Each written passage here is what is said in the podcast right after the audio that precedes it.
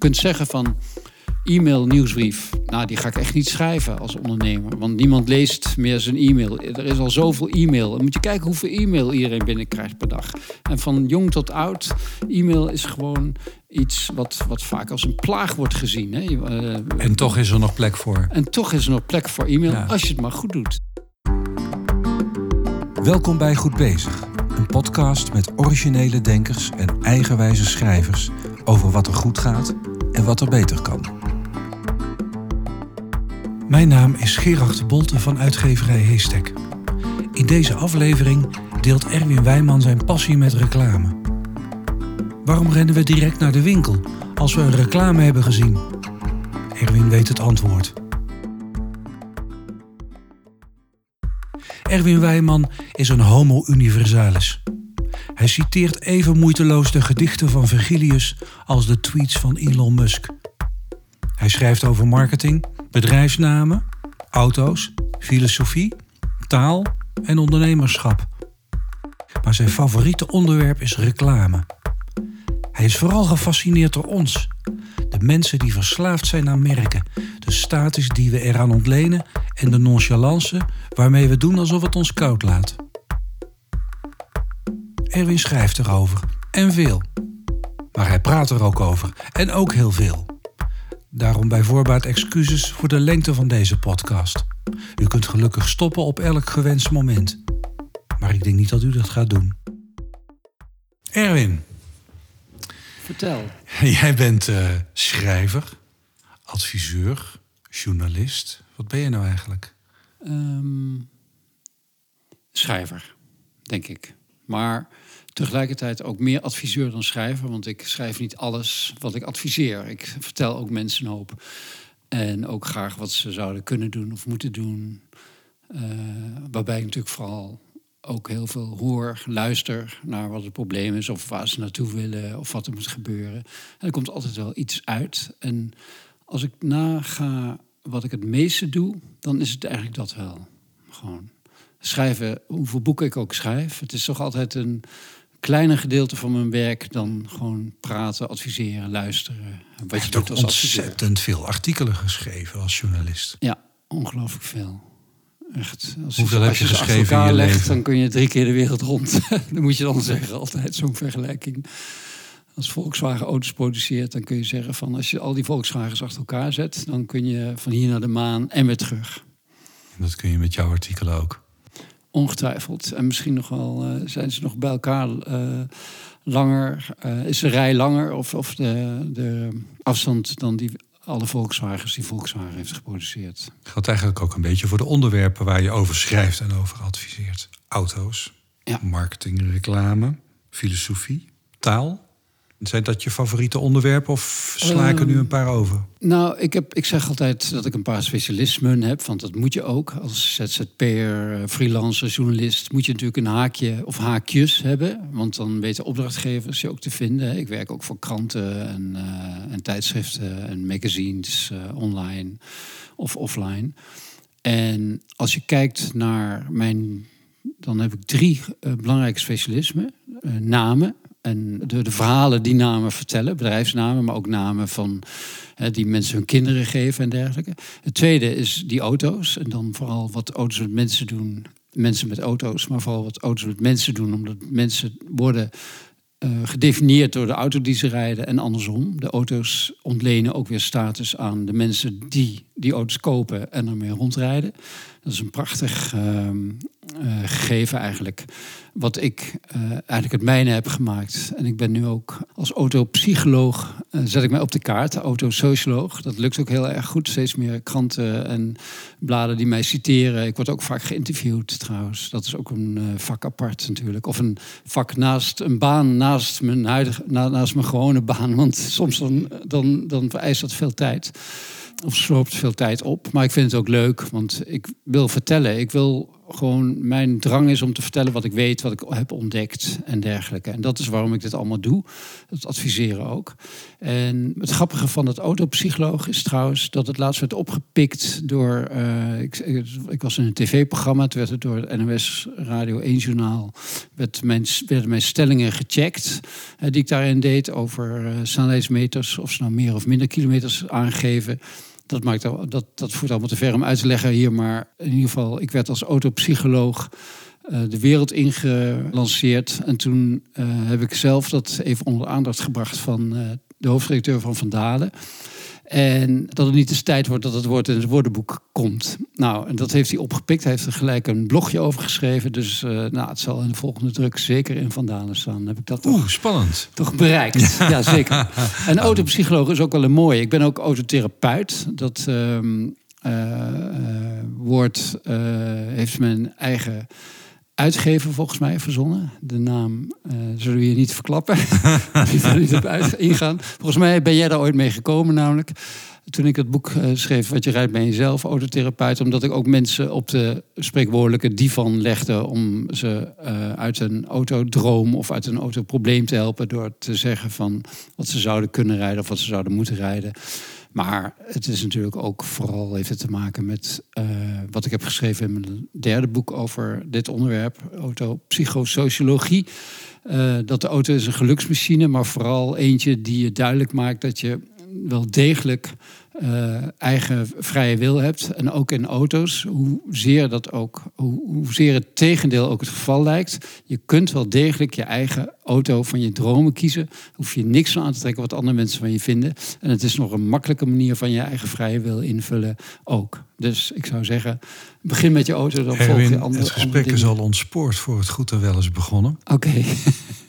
en een derde punt, een derde specialisme, uh, dat is marketing en reclame. Dat is denk ik stiekem wel het onderwerp waar je in je carrière ja, het meest mee dat denk ik ook. Want die namen, bedrijfsnamen, dat is dat, eigenlijk ook... Dat heeft natuurlijk ook weer een raakvlak ja, met dat onderwerp. Dat is, de namen is marketing eigenlijk. En auto's natuurlijk. En auto's in wezen ook. Want bij auto's spelen merken een nog veel grotere rol dan bij wat dan ook verder, denk ik. Misschien bij horloges nog een beetje. Maar auto's zijn wel spannende kroon in merklading en al, uh, alle associaties en, en zaken die met een merk te maken hebben, een automerk.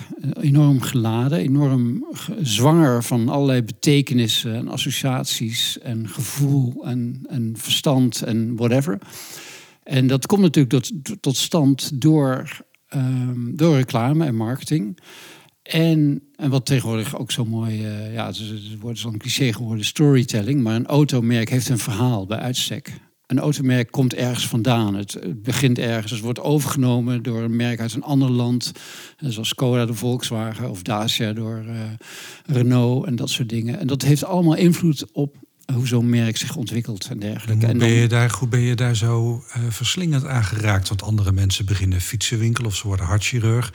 Maar jij duikt ja. in, de, in de marketing. Wat was de dag dat het jou greep? Als ik terugdenk aan mijn eigen carrière, die niet langs uh, echt gewone normale lijnen. Uh, of, nou, wiens carrière is dat nou wel? Dat zegt misschien iedereen wel. Mm -hmm. Maar uh, ik heb Nederlandse taal en literatuur gestudeerd en literatuurwetenschap.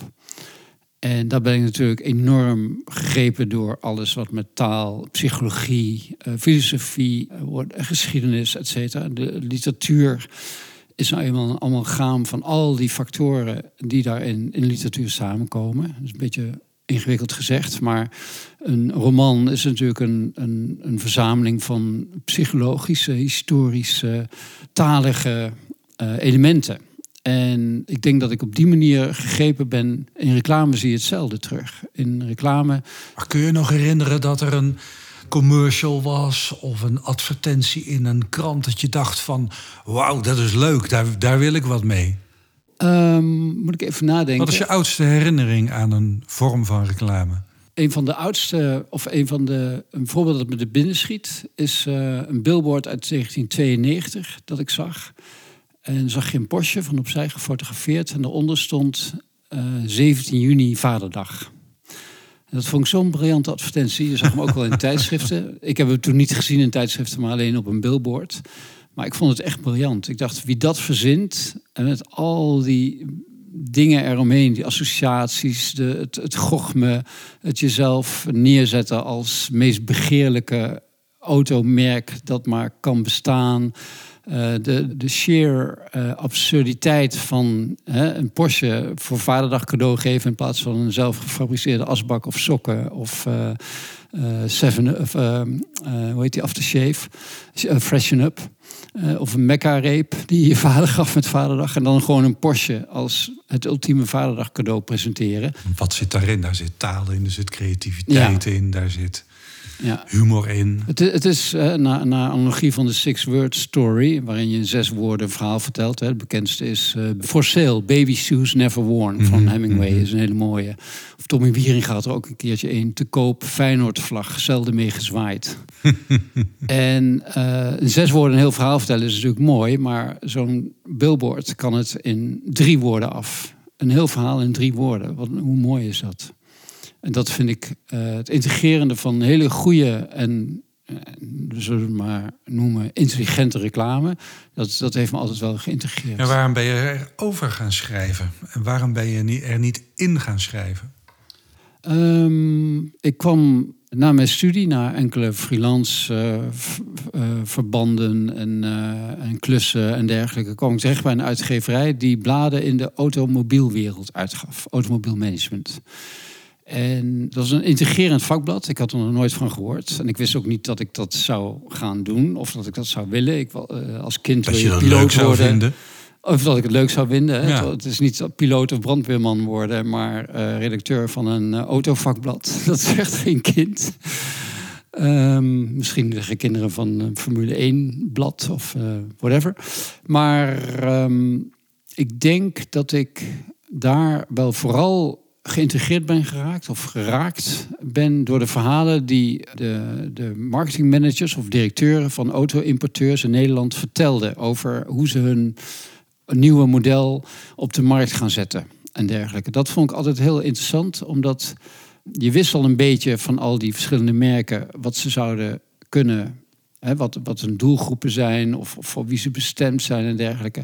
Maar die mensen vertelden daar zo mooie verhalen over. Van dat ze hun, een Audi was dan een, uh, een bontjas die je binnenste buiten draagt. En dat soort uh, uitspraken. Een Saab was dan voor uh, artsen.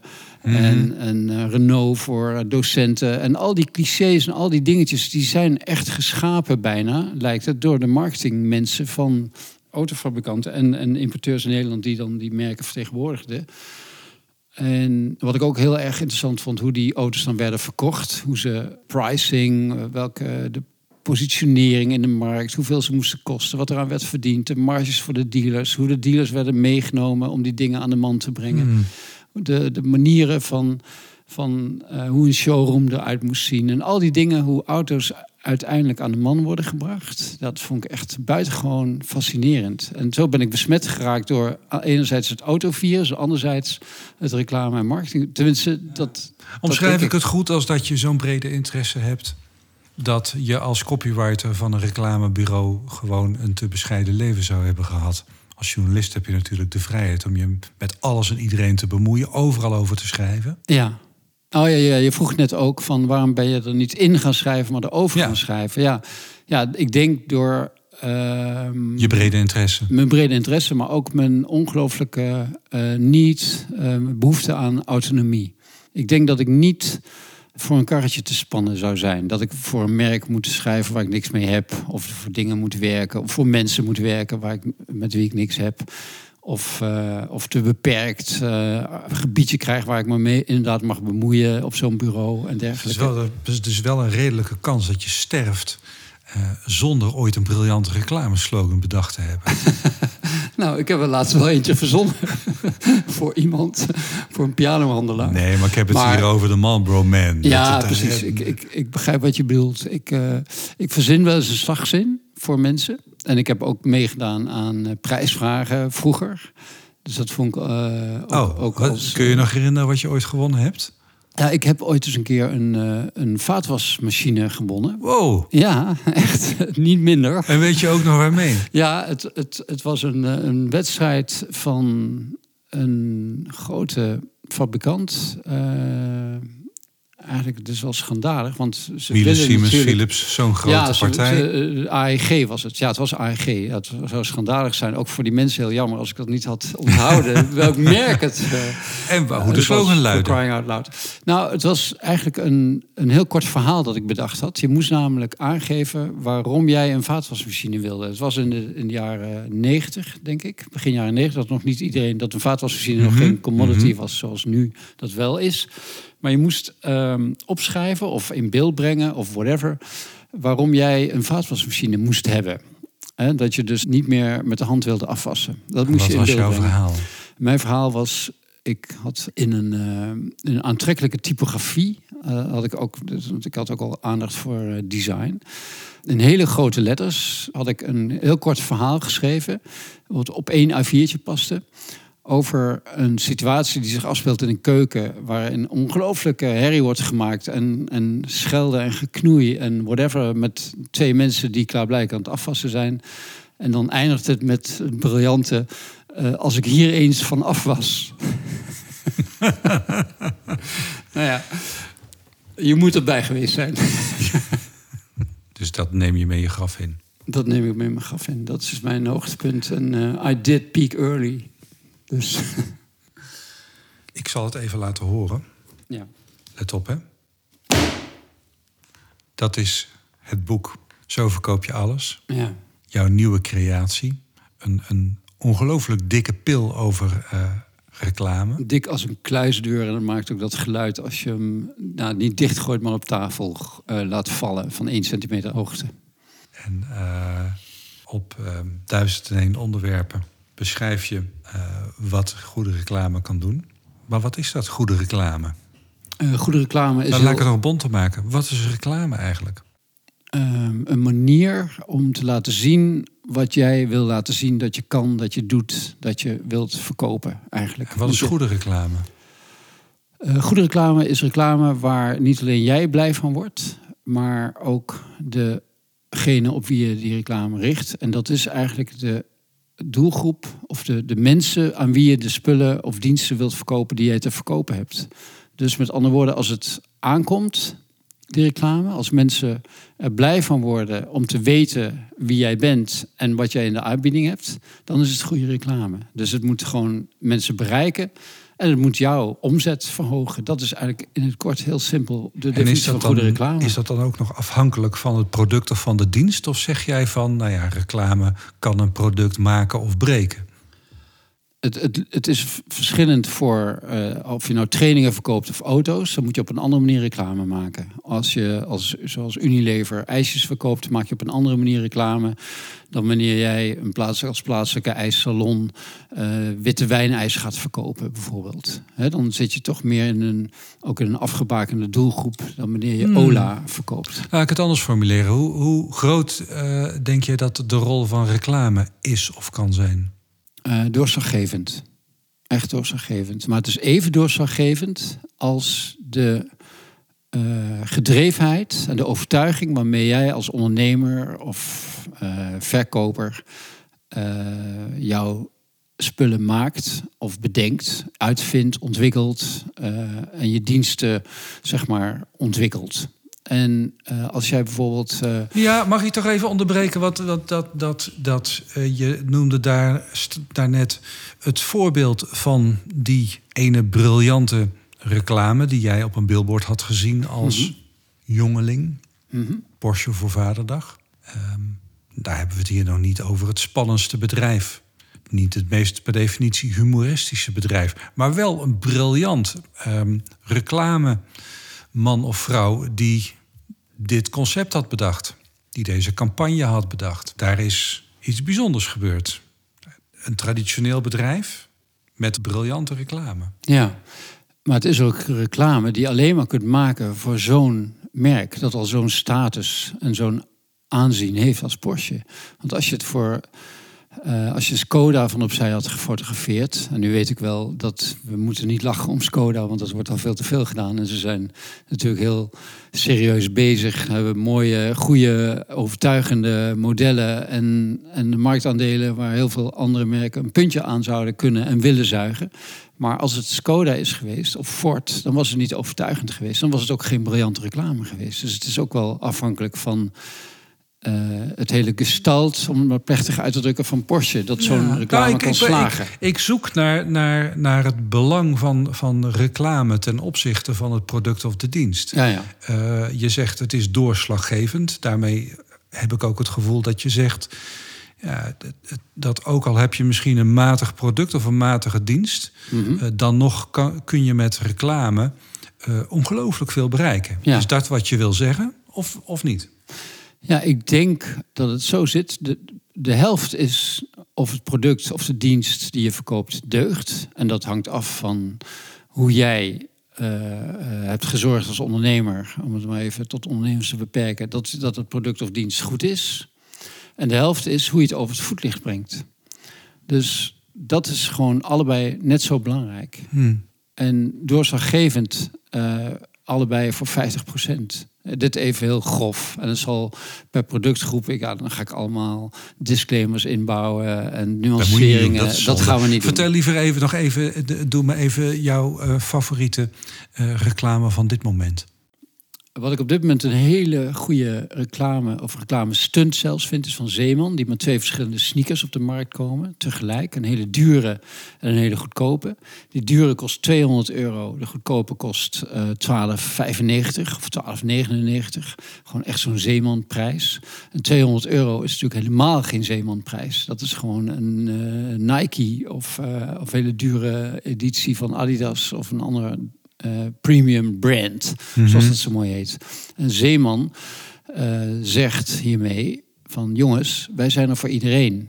En we gaan ad absurdum eigenlijk dat aantonen dat iedereen bij ons terecht kan. Wat ik knap vind van Zeeman is dat ze een heel, heel duur product toch in het bereik kunnen brengen van mensen die heel weinig geld hebben of voor over hebben. Een, sneaker namelijk van 12,99 op de markt brengen zou op zich niet zo bijzonder zijn. Want er zijn wel meer schoenen of sportschoenen die heel goedkoop zijn bij de schoenenreus of dergelijke. Maar door ze samen, door die schoen samen te presenteren met eentje van 200 euro, krijgt het ineens een enorme slinger. Een enorme begeerlijkheid. Omdat je nu denkt van jee ze, hè, ze zeggen zelf van we gaan onderzoeken eh, hoe het nou komt dat als je zo'n dure sneaker produceert, of dat nou echt zoveel kost. En we willen onderzoeken of je voor heel weinig geld een goede sneaker, of in ieder geval een sneaker, een sportschoen kan ontwikkelen die gewoon doet wat hij moet doen. Kun je uit dit soort, hè, je, je uh, Porsche reclame, uh, de Zeeman uh, guerrilla marketing actie. Wat kun je, kun je daar en uit andere reclame enkele simpele lessen trekken waar we allemaal wat aan hebben. Wat, wat, wat, wat, maakt, wat maakt nou goede reclame? Wanneer werkt het? Ik denk dat een van de ehm, principes die aan de Zeeman-reclame en, en aan het feit dat Zeeman ook, ja, natuurlijk in marketingkringen, in vakkringen, wordt Zeeman ook echt geloofd om zijn durf en zijn gochme. Um, lef kun je het noemen. Uh, omdat ze uh, als underdog eigenlijk laten zien dat ze hetzelfde durven als grote merken. En omdat zij de hmm. underdog zijn, kunnen ze het maken. Ze hebben ook een paar jaar geleden een truier Maar begint het dan, is dat dan... Want daar noem je alweer een onderscheid. Maar wat deelt alle goede reclame? Oh, zo, dat dan ja. met, wat, is, dat, is dat... Nou, ik denk dat het een combinatie is van jezelf op de borst kloppen. Als je een product hebt dat op zich niet zo bijzonder is, dan kun je het bijzonderder maken door uh, het groter te maken. Of het je moet op een sinaasappelkistje gaan staan. Je, je moet, moet op de sinaasappel. Dat is inderdaad een metafoor uh, die heel treffend is. Je moet op een sinaasappelkist gaan staan en roepen van, hè, zoals ook op de markt gebeurt. Dat is het aloude reclameprincipe van 10 sinaasappels voor uh, 2,5 euro. En het zijn de sappigste die u ooit in uw leven geproefd hebt. En dat heel hard schreeuwen en steeds opnieuw. En mensen ook op aanspreken van kom hier sinaasappels kopen. Je moet dus hard roepen, maar je moet ook een goed product hebben. Je moet, als je dan vervolgens niet kan laten zien dat die sinaasappels echt sappig zijn... ja, dan sta je in flaten natuurlijk. En je moet overtuigd zijn de ene man of vrouw kan die sinaasappels op de markt wel verkopen, de andere lukt het totaal niet, omdat hij niet echt gelooft in haar of zijn product. Ik heb er al drie nu. Je zegt, je moet bereid zijn om jezelf op de borst te kloppen. Uh, je moet hard roepen. Ja. Of opvallen. Hè? Een groot billboard. Um, en je moet een goed product hebben. Ja, en humor. Uh, humor is ook een mooie vanuit een underdog-positie uh, jezelf presenteren. Zoals Zeeman doet met die sneaker, maar ook met die trouwjurk... die ze een paar jaar geleden mhm. op de markt brachten. Voor 29,95 had je een trouwjurk. En een trouwjurk is, zoals we allemaal weten... Uh, een van de allerduurste kledingstukken die een vrouw uh, ooit koopt in haar leven. Omdat ja, een trouwjurk, dat, is een heel project. Die ga je samen met je vriendin of moeder of uh, whatever uitzoeken. Hele sessies, passessies, weer teruggaan. Dat is bij elkaar, nou, niet honderden, maar soms wel, wel ettelijke honderden euro's. En als je dan als zeeman een trouwjurk op de markt brengt van 29,95, ja, dan, dan sla je eigenlijk meerdere vliegen in één klap. Je maakt jezelf groter dan je bent als zeeman. Want je zegt van, hé, hey, wij hebben een trouwjurk. Dus, je, dus we zijn ineens een bruidswinkel geworden. dat verwachten mensen helemaal niet van Zeeman, waar je onderboeken van uh, 2 voor een euro koopt en handdoeken van 1 euro per stuk. Of vaardoekjes 3 voor 90 cent. En je laat zien dat jij ook kunt wat anderen kunnen. Dus je zet je eigenlijk, je maakt jezelf groter, belangrijker. En je zet je af tegen anderen van een truienjurk hoeft helemaal niet zo duur te zijn. Dus daarmee zet je eigenlijk de aanbieders en de bruidswinkels in hun hemd. Letterlijk en figuurlijk. Ja. En dat zijn ze? Zeg je van nou, de, er is nog een vijfde kenmerk, goede reclame? Oh, als ik er even over ga nadenken, kan ik er zo wel 15 uh, eh, achter elkaar nou, bedenken. of 20. de belangrijkste. Ja, nou, de belangrijkste uh, zijn wel, denk ik, uh, met overtuiging uh, roepen dat jij de beste bent. En dan roepen dat anderen eigenlijk minder zijn. Eigenlijk zie je op dezelfde manier. Uh, Apple met zijn iPhone heeft op die manier uh, groot succes behaald. Elon Musk met zijn Tesla heeft op die manier een groot succes behaald. Oneclatant gewoon. Door die producten en heel erg duur te maken. En aan de andere kant te zeggen dat eh, al die andere aanbieders, ja, dat zijn knoeiers die natuurlijk in een fossiel, ja, letterlijk fossiele zijn het uit een, uit een tijdperk dat eigenlijk ten dode opgeschreven is. Want als wij doorgaan met fossiele brandstoffen te gebruiken, uh, gaan we allemaal naar de haaien. Ja, Het is eigenlijk als die haringverkoper in Amsterdam voor de oorlog, die terugkomt van een dag ploeteren eigenlijk geen haring verkocht heeft. En tegen zijn buurman zegt die, die, die tegenkomt eh, in de straat van... Nou, het was weer niks vandaag. Ik heb echt, het zijn zulke goede haringen, maar ik raak ze aan de straatstenen niet kwijt. En dan zegt die buurman, want die wilde ook nog iets anders in zijn leven... die zegt dan van, laat mij het eens proberen. Die dacht ineens van, ik weet wat ik moet doen. En toen zei die haringverkoper van, nou weet je het zeker? Het, is, het valt niet mee en ik ben al overal geweest. En nou ja, ga maar, maar je gaat niet naar de Spiegelstraat en de verlengde Spiegelstraat. Dus die buurman ging naar de Spiegelstraat en de verlengde Spiegelstraat. En riep daar uh, niet tien haringen voor een dubbeltje, wat die haringverkoper riep. Nee, hij vroeg de prijs meteen echt met, uh, met honderden procenten. Tien haringen voor een kwartje tien haringen voor een kwartje. kwamen twee voorbijgangers, uh, spraken hem aan en zeiden van tien haringen voor een kwartje. Net was er iemand die tien haringen uh, voor een dubbeltje verkocht. Nou, zei die man met heel veel gochme en lef in zijn donder. Had u die, maar moet, had u die rotzooi maar moeten kopen. Nou, binnen anderhalf uur was hij al zijn haringen kwijt. Dus het was gewoon twee principes van maak jezelf groter en duurder. Of door jezelf duurder te maken, maak jezelf groter. En zet ze af die, je product tegen andere producten die veel, van veel mindere kwaliteit zijn. Of die niet deugen. Of die op de markt gebracht zijn door partijen die uh, dat niet hadden mogen doen volgens jou, et cetera, et cetera. Zo werkt het met heel veel uh, producten natuurlijk. Volgens mij maak jij zelf ook ontzettend veel reclame. Want zijn al die boeken die jij schrijft, zijn dat, is dat in feite ook niet reclame voor al je andere werk? Waar je waarschijnlijk meer mee verdient dan met die boeken. Ja, nou, zoals iedereen wel of niet weet, boeken zelf brengen niet zoveel op per stuk voor een auteur. Zij eruit. het gaat erom inderdaad, een boek is echt een manier om jezelf op de kaart te zetten, om jezelf te presenteren, te positioneren, om te laten zien dat jij in dat onderwerp eigenlijk de expert bent of de kenner. Dat je, je hebt daarin een zwarte band van eh, karate bijvoorbeeld.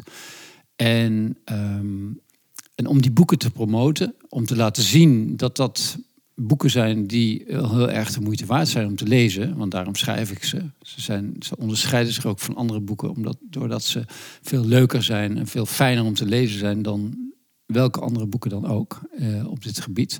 Ik schrijf wat je kunt noemen businessboeken of managementboeken, non-fictie, waarin je, eh, waarmee je zeg maar je dagelijks leven gewoon fijner of leuker of beter of, of effectiever eh, kunt inrichten. Als ondernemer of verkoper of manager of whatever.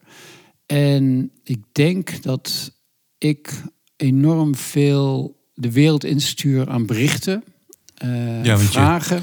Je twittert veel, je schrijft blogs, eh, Ja. je bent continu aan het roeptoeteren. Ik ben aan het roeptoeteren, dat klopt. Het is een voortdurende stroom aan eh, informatie en, en entertainment en opmerkingen. En het is- kost heel veel tijd. het kost heel veel tijd, maar het, is, Maar het loont dus wel. op. Ja, het le- levert veel op. Aan het eind van het jaar eh, kom je rond. Eh, Ik kom rond, ik krijg- voldoende omzet binnen. Ik haal voldoende omzet binnen. Ik krijg opdrachten. Ik kan Dus schrijven. ondanks het feit dat je zoveel tijd kwijt bent aan bloggen en aan boeken schrijven en aan weet ik wat allemaal niet meer. Ja, Het, dat, Is het ook een les voor, voor eh, de groenteboer, voor de secretaris, secretaris-generaal van het ministerie van Economische Zaken, voor een agile consultant? Maak meer reclame. Want ja, veel mensen- Vertel gewoon wie je bent en wat je kunt en wat je doet. Dat doe ik eigenlijk. Ik doe eigenlijk niks anders met mijn eh roeptoeteren, zoals je dat zo mooi eh, respectvol uitdrukt. sorry, sorry hoor. Nee, ik vind het wel goed, want ja, cut the crap, daar komt het op neer. Je, vroeger in de, in de, op, de, op de basisschool werd ik al vaak de klas uitgestuurd... omdat ik gewoon opmerkingen maakte of rijmwoorden riep... op dingen die de docent eh, zei of whatever.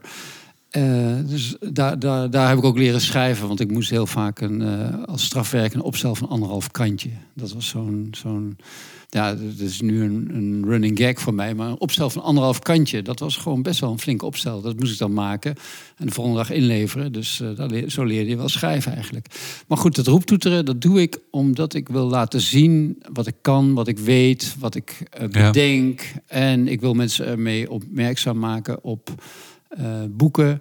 De taalstaat van Frits Spits, die eh, redacteur daarvan, die belt mij en zegt van... Goh, ik zie dat je eh, dat allemaal opmerkt en dat allemaal zegt op Twitter. Zou je niet eens daarover kunnen komen praten in ons programma? En dan kom ik in dat programma.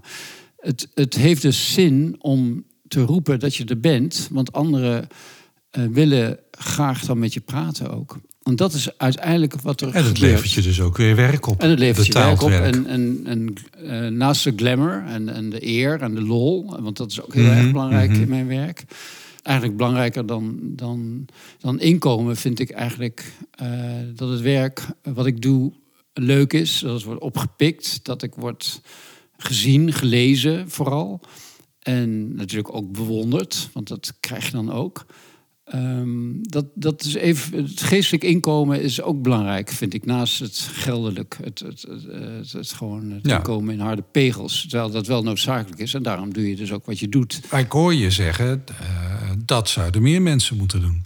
Dat zouden veel meer mensen moeten doen. Veel meer mensen die producten hebben die ze willen. Eh, die ze kwijt willen, zoals die groenteboer die je roept, of een consultant die eh, een idee heeft, of een opruimgoeroe die een manier heeft gevonden om je huis op te ruimen op een hele fijne en eh, voor de hand liggende, maar wel heel slimme manier.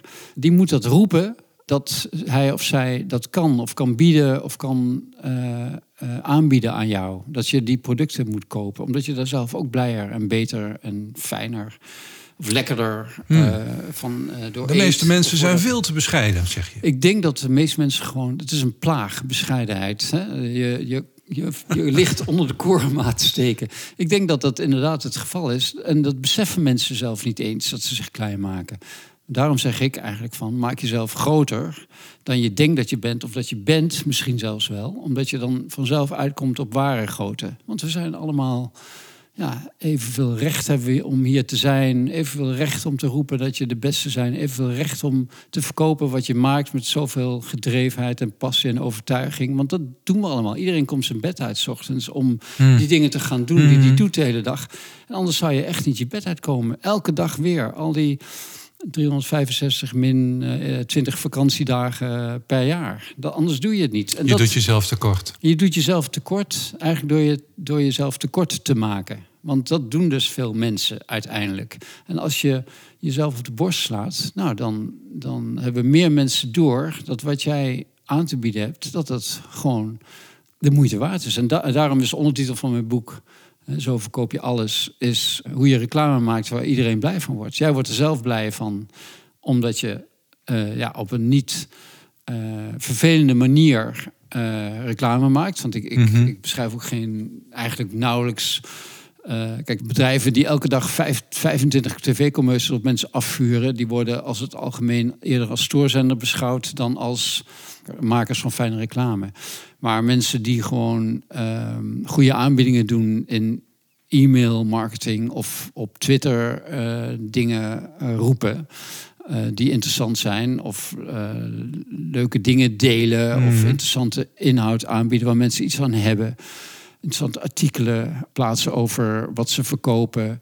Of gewoon eh, humor in hun reclame stoppen. Een leuk billboard, zoals dat van Porsche, Ja. ergens neerzetten. Een, een prachtig aantrekkelijk product zoals Zeeman op de markt Ja. zetten. Maar dat Ja, zeg je die- nu wel, maar tegelijkertijd, er is tegenwoordig ontzettend veel reclame. Mhm. Buiten, als je een wandeling maakt of een autorit maakt, eh, achter je beeldscherm, op je telefoon, eh, overal waar je kijkt, overal waar je luistert, is tegenwoordig reclame. Ja, maar- En heel veel mensen mopperen dat het te veel is. ja, maar ik ben ervan overtuigd van één ding, en dat is echt essentieel. Goede reclame valt op en wordt gezien. En je- irriteert niet. En irriteert niet. Ik ken iemand die schrijft een eh, dagelijkse e-mail aan klanten en potentiële klanten. Gewoon zonder fotootjes, alleen maar tekst. Elke die dag. e-mail is zo goed. Elke dag om 11 uur krijg je me in je mailbox. Dat moet je ook even noemen van Aartjan van Erkel. Aartjan van Erkel. Eh, heeft ook een paar boeken geschreven Mhm, mhm. eh, over internetmarketing.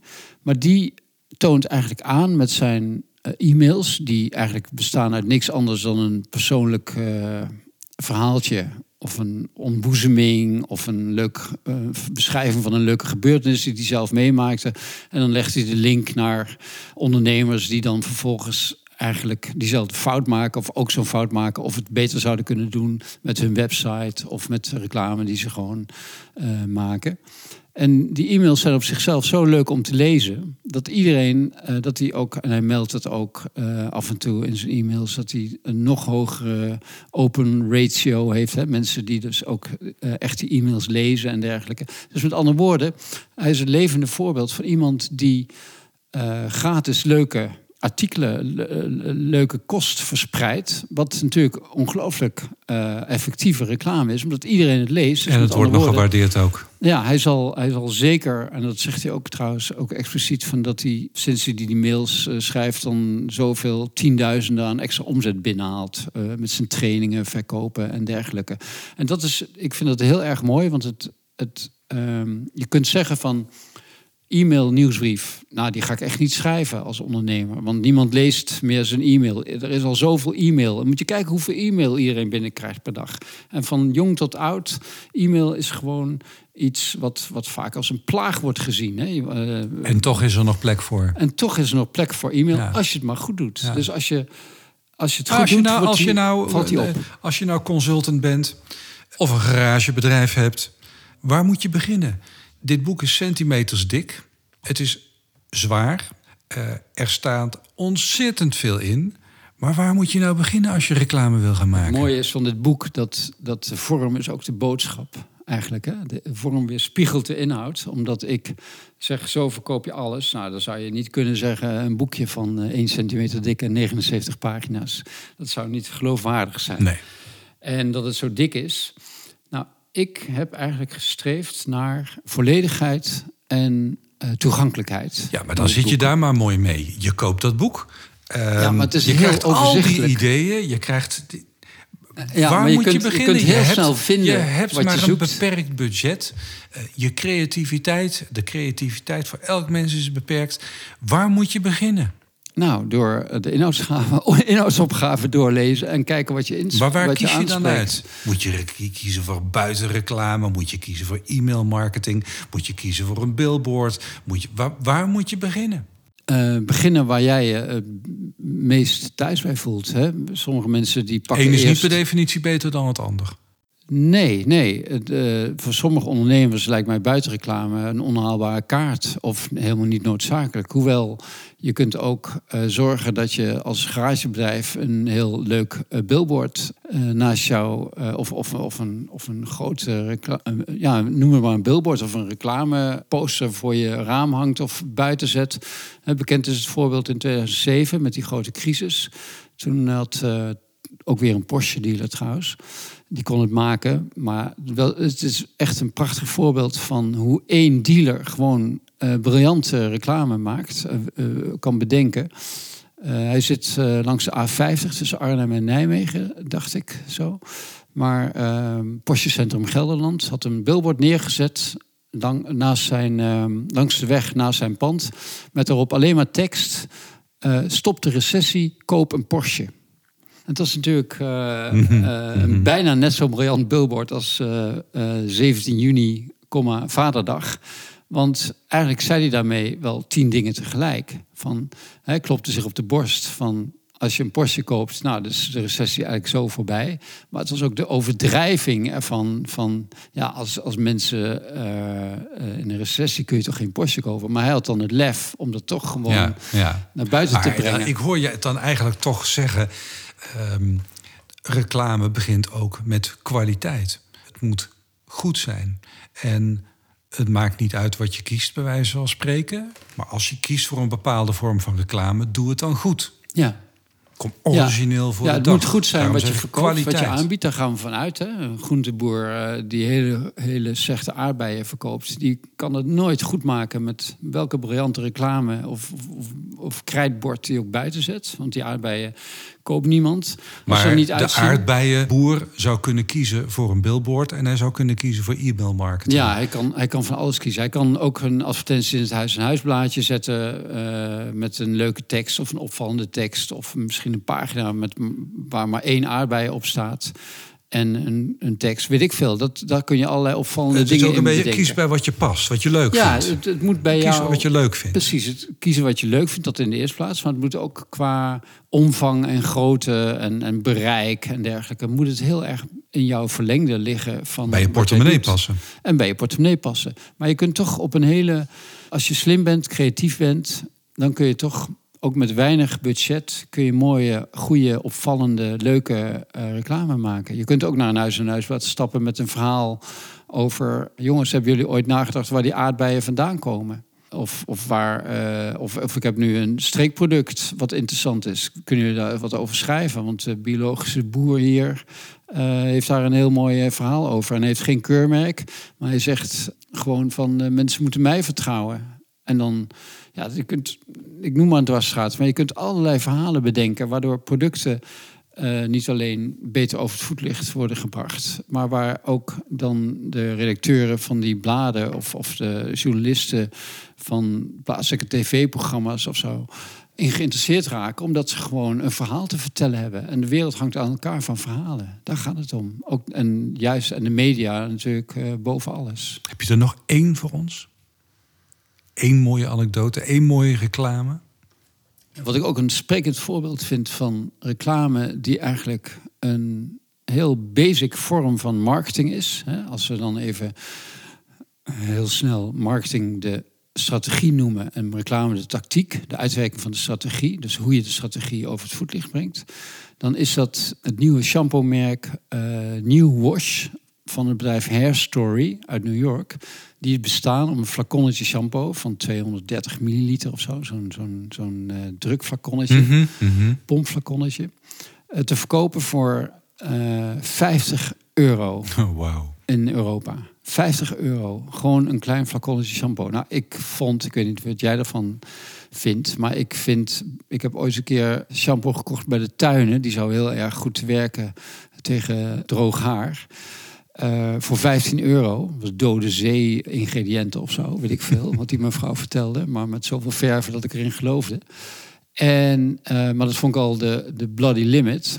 En bij Rituals zijn- is shampoo natuurlijk ook duur. Eh, omdat Rituals een Maar nu heb jij dus 50 euro Maar 50 uitgegeven euro voor... voor Je hebt hem shampoo. gekocht. Ik heb hem ook gekocht, want ik was zo ongelooflijk flabbergasted van wat is dit dan? Is het En alleen de hoge prijzen of hebben ze er ook een verhaal bij? Ze hebben er zeker een verhaal bij. Een verhaal dat vergelijkbaar is met het verhaal van Elon Musk over Tesla... en van Apple over zijn iPhone... en van eh, die haringverkoper over zijn haringen. Het is de beste shampoo van de hele wereld. Het is de beste shampoo van de hele wereld. En hij doet. Wat ze, zij zeggen eigenlijk van. Die andere shampoo deugt allemaal niet. Want die haalt. Die doet dingen met je haar. Waardoor je ook weer een conditioner nodig hebt. Of weer een elke dag shampoo. Of weer een crème spoeling. Of iets anders. Of bij de kapper iets moet laten doen aan je haar. Zij zeggen gewoon van. Als je deze shampoo neemt. Heb je nooit meer een bad hair day. Maar altijd een good hair day. En je had ooit eens een keer de slogan van André Lon van haal het beste uit je haar. dat vond ik wel grappig slogan. Daar werd toen veel over gegrapt van. Volgens mij was dat eh, een slogan die bedacht is door het reclamebureau Multilul van Jiske Vet. Zo'n Jiske Vet serie over een reclamebureau, briljante serie. Maar daar ging het over van dat de klant had gebeld over die slagzin. Haal het beste uit je haar. Dat ze daar toch niet helemaal nog tevreden over waren. En dat vind ik wel mooi, want jaren na dato eh, komt dus Hair Story met de shampoo. Die ze afzetten tegen al die shampoos die daadwerkelijk het beste uit je haar halen. En Hair Story zet daar zijn shampoo, die geen shampoo mag heten, want het is gewoon haarreinigingsproduct of zo, willen ze hem noemen. Want het, het shampoo, het S-woord, dat veroordelen zij zelfs al als eh, ja, eh, iets waar je niet in moet schrappen. Dus al die Unilevers en Procter Gamble's van deze wereld, die, worden echt allemaal-. Ja, ja, ja. En, ehm, maar je ruilt deze shampoo vrolijk weer in voor een volgende shampoo. Als die een nog beter verhaal heeft.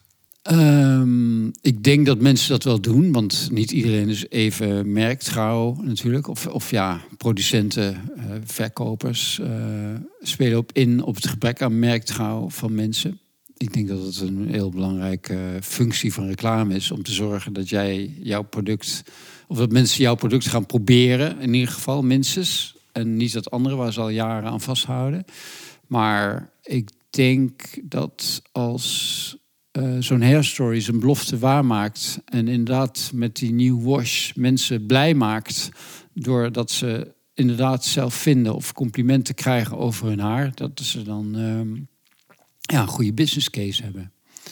En nou, dat valt nog te bezien natuurlijk, want ja, als, als consument kun je natuurlijk never, nooit Ja, zicht kunt- krijgen op de hele markt en op hoe iedereen, welke shampoo iedereen precies gebruikt en hoe dat product uitpakt en hoe voor iedereen, et cetera, et cetera. Maar goed, bij New Wash weten ze het wel, bij Hair Story, want die zien een marktaandeel natuurlijk Groeien. eh, groeien. Ja. Nou, hou ons op de hoogte. Dat zal ik zeker doen. Of je een nieuw potje hebt gekocht of niet. Ja, ik heb er één gekocht, hij is nu op, dus ik moet weer een nieuwe gaan kopen. Met enige twijfel en wijfel We, achteruit. we gaan vast ergens in een blog of op eh, sociale media lezen wat het is geworden. Ja, ik heb dan tenminste weer iets om over te schrijven natuurlijk. Dankjewel. Oké, jij bedankt. Bedankt voor het luisteren naar Goed Bezig. De podcast met schrijvers en denkers die vertellen wat er goed gaat en wat er beter kan. Wilt u meer weten over deze schrijvers?